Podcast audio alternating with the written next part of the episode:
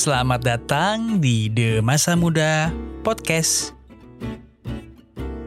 Pada episode kali ini gue mau bahas soal serial lagi dari negeri Sakura yang di tahun 90-an saat gue SD itu booming banget. Nama serialnya adalah Tokyo Love Story. Mungkin beberapa orang nggak nonton kali ya, tapi gue rasa banyak sih ya nonton karena dulu tuh booming banget sih. At least saat gue di Medan ya. Karena jujur gue memang tidak ngikutin dari awal ataupun mengerti pada saat itu filmnya itu apa atau serialnya itu kisah tentang apa. Tapi itu luar biasa diomongin di sekolah sama teman-teman gue waktu di Medan.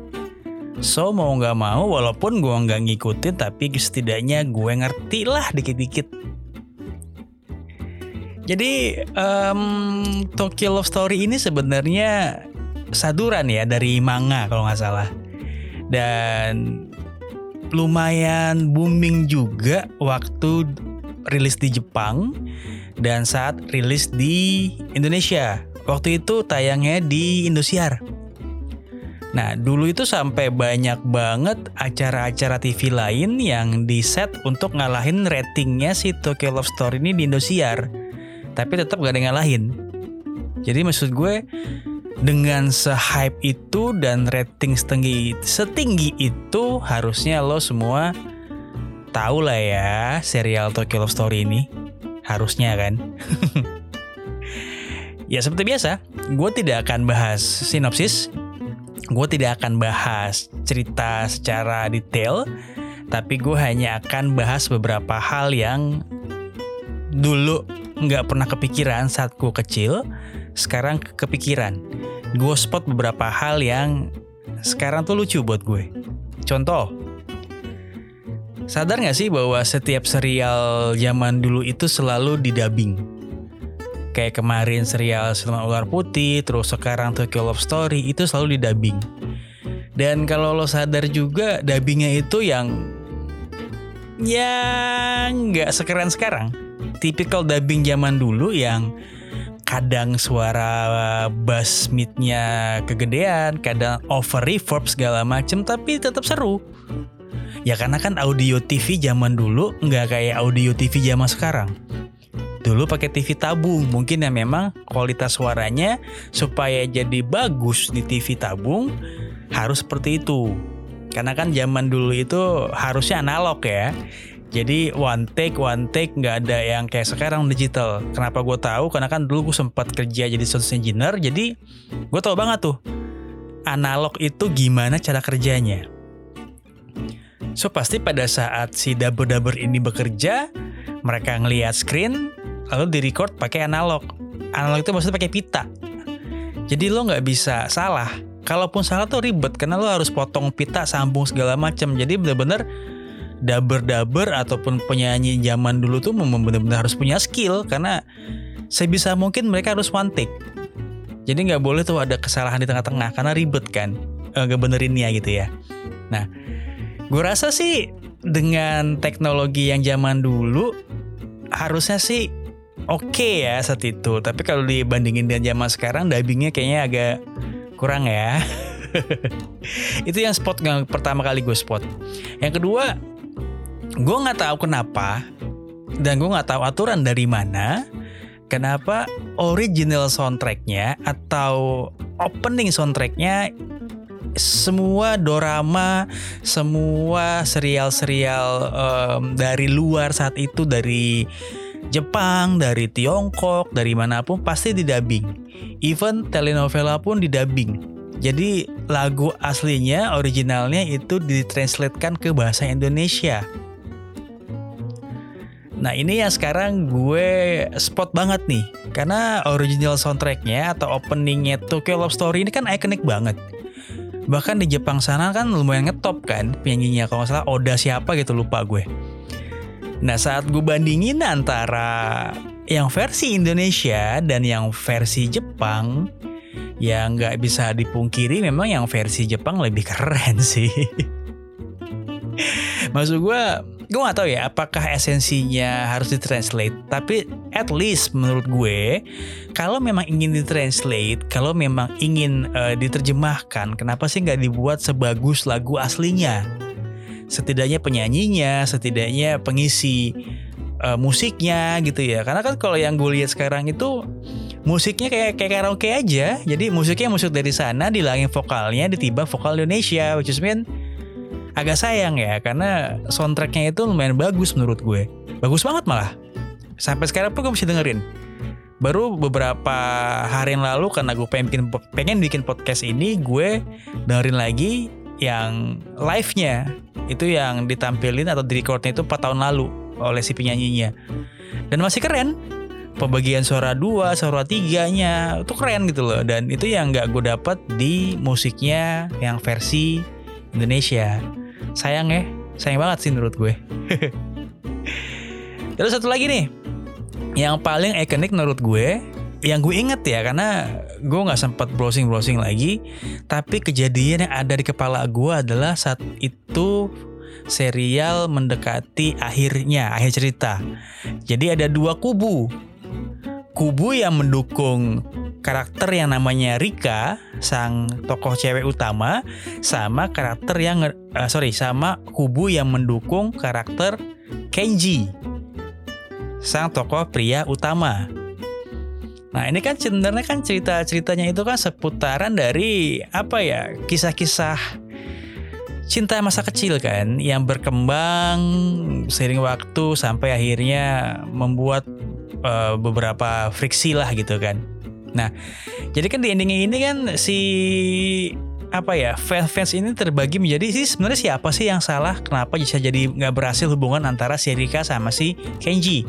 Apakah karena Rikanya yang selingkuh atau memang karenanya Kenjinya yang tidak uh, komit sama si Rikanya gitu kan? Katanya sayang tapi kenapa ninggalin? Cuma gara-gara selingkuh. Kayak gitu. Jadi lumayan rame sih menurut gua saat itu saat di Medan ya karena gue waktu itu tahun 9192 kalau nggak salah itu film tayang di Indonesia dan di sekolah itu diomongin. Kenapa diomongin? Karena mungkin saat itu ibu-ibu atau kakak-kakak dari teman-teman gue nonton dan akhirnya kan anak kecil tidak punya hiburan di kampung ya ikutan nonton sama orang tuanya dan akhirnya juga ngikutin film si Tokyo Story ini gitu kan lucu sih lucu karena um, gue inget banget dulu sempat ada perdebatan antara kedua teman gue siapa yang salah siapa yang benar. Apakah Kenji yang salah apakah Rika yang salah? Karena pendapat kedua teman gue ini pasti nggak lain nggak bukan ya pendapat dari kedua orang tuanya atau kakak-kakaknya yang memang punya preferensi sendiri gitu ya. Ya agak lucu aja sebenarnya karena mereka gue yakin mereka teman-teman gue ini nggak segitu ngertinya cuma karena terlibat atau terbawa oleh pendapat orang yang lebih tua di rumahnya akhirnya mempunyai argumen yang sama. Walaupun kalau digali gue yakin sih nggak ngerti-ngerti amat. Satu hal yang yang gue suka dari film ini adalah ya gue bilang tadi mengenai childhood um, childhood love interest lah.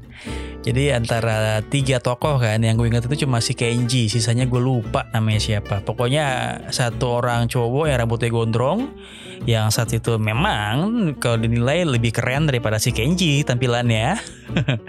sama satu cewek yang ternyata memang si Kenji sama temen ini punya love interest nih sama dia nih, tapi saat itu masih platonik. Ya as we kan, platonik itu kan berarti adalah uh, tertarik tapi bukan karena seksual kan? Karena memang tertarik aja karena dari kecil kan? Nah perputarannya ya memang hanya ke tiga orang ini aja gitu loh. Dan masuklah salah satu tokoh yang baru si Rika ini. Sebenarnya kalau kita apa ya kalau kita pikir-pikir gitu ya berapa banyak sih dari kita yang punya teman dari kecil, punya sahabat dari kecil, pasti akan berujung kepada love interest.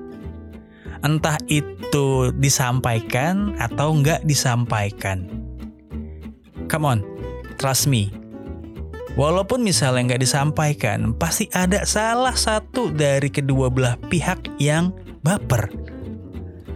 Persahabatan dari kecil, care lebih lama daripada orang lain, saling memperhatikan, saling menyayangi walaupun tidak terlihat jelas, tapi iya seperti orang bilang kan cinta datang karena terbiasa. Iya, serial ini benar-benar menggambarkan gimana realita kehidupan yang kalau kata zaman sekarang ya, nggak ada deh yang namanya sahabatan itu murni misalnya gitu. Ya walaupun ada beberapa, oke gue percaya ada beberapa yang murni. Tapi persentasenya berapa banyak sih? Dan apakah lo yakin persahabatan yang murni itu dalam jejo apa dalam rentang waktu yang panjang mereka bersahabat tidak pernah ada salah satu yang baper? Gue rasa sih nggak mungkin, karena baper itu manusiawi Apalagi dalam suatu hubungan persahabatan yang lumayan lama, yang lumayan saling kenal buruk busuknya, paling uh, tahu baik-baiknya segala macamnya ya gue rasa pasti akan ada lah yang namanya baper. Nggak mungkin nggak? Menurut gue. Dan gue agak pede bahwa gue nggak salah soal itu. ya kan jadi lucunya itu adalah ternyata kita sadar ya bahwa dari zaman dulu, dari zaman kita masih kecil, mungkin dari zaman mama papa kita masih muda, love interest di, di childhood itu pasti akan selalu ada. Persahabatan jadi cinta itu pasti akan selalu ada. Dan yang menarik itu adalah tema ini selalu diusung, tema ini selalu dibuat jadi suatu film, series, segala macem. Hanya cara penyajiannya aja yang dirubah memang seru sih. Memang seru karena mayoritas penonton itu pasti selalu ingin melihat yang sweet lah. Ingin melihat hal yang berakhir dengan manis. Nah, salah satu yang bikin Tokyo Love Story ini akhirnya booming dan segala macam karena memang alurnya itu bener-bener ngebawa perasaan si penonton bagaimana perasaan si Kenji ke teman kecilnya ini yang cewek lalu uh, karena dirasa tidak kesampaian dia melarikan diri atau jadi pelarian ke Sirika, Sirikanya selingkuh sama atasan yang lain segala macem dan benar-benar tuh hal-hal yang sifatnya drama saat itu benar-benar bisa ngebawa audiensnya ada di dalam kondisi itu.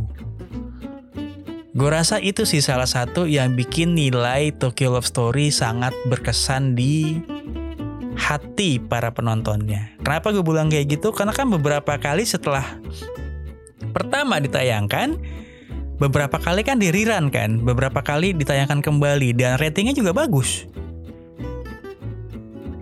Walaupun itu film lama, walaupun nggak relate dengan keadaan kita sekarang, dengan teknologi sekarang, keadaan sehari sekarang, tapi tetap nontonnya itu setidaknya sedikit membawa perasaan kita kembali kepada masa lalu, mengingatkan kita kembali kepada dulu keselnya kita kepada si Rika, keselnya kita kepada si Kenji, atau sedihnya kita melihat drama mereka berempat ini gitu loh.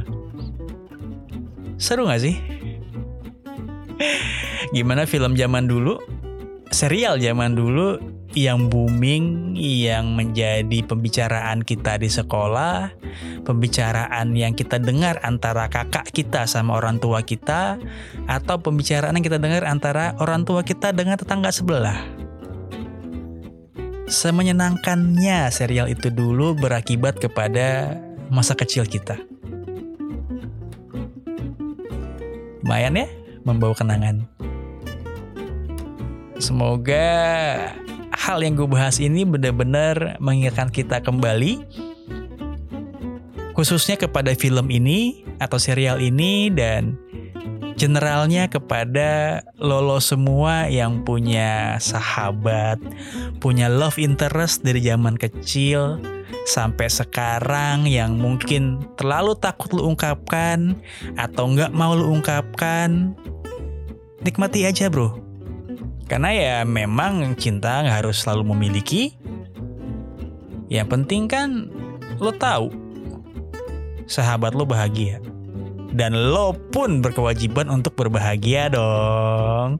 Ah, so asik banget gue. Oke, itu gitu dari gue. Semoga Tokyo Love Story ini mengembalikan semua kenangan-kenangan manis kita di masa 90-an dulu. Terima kasih sudah mendengarkan. Gue Mayo. Thank you.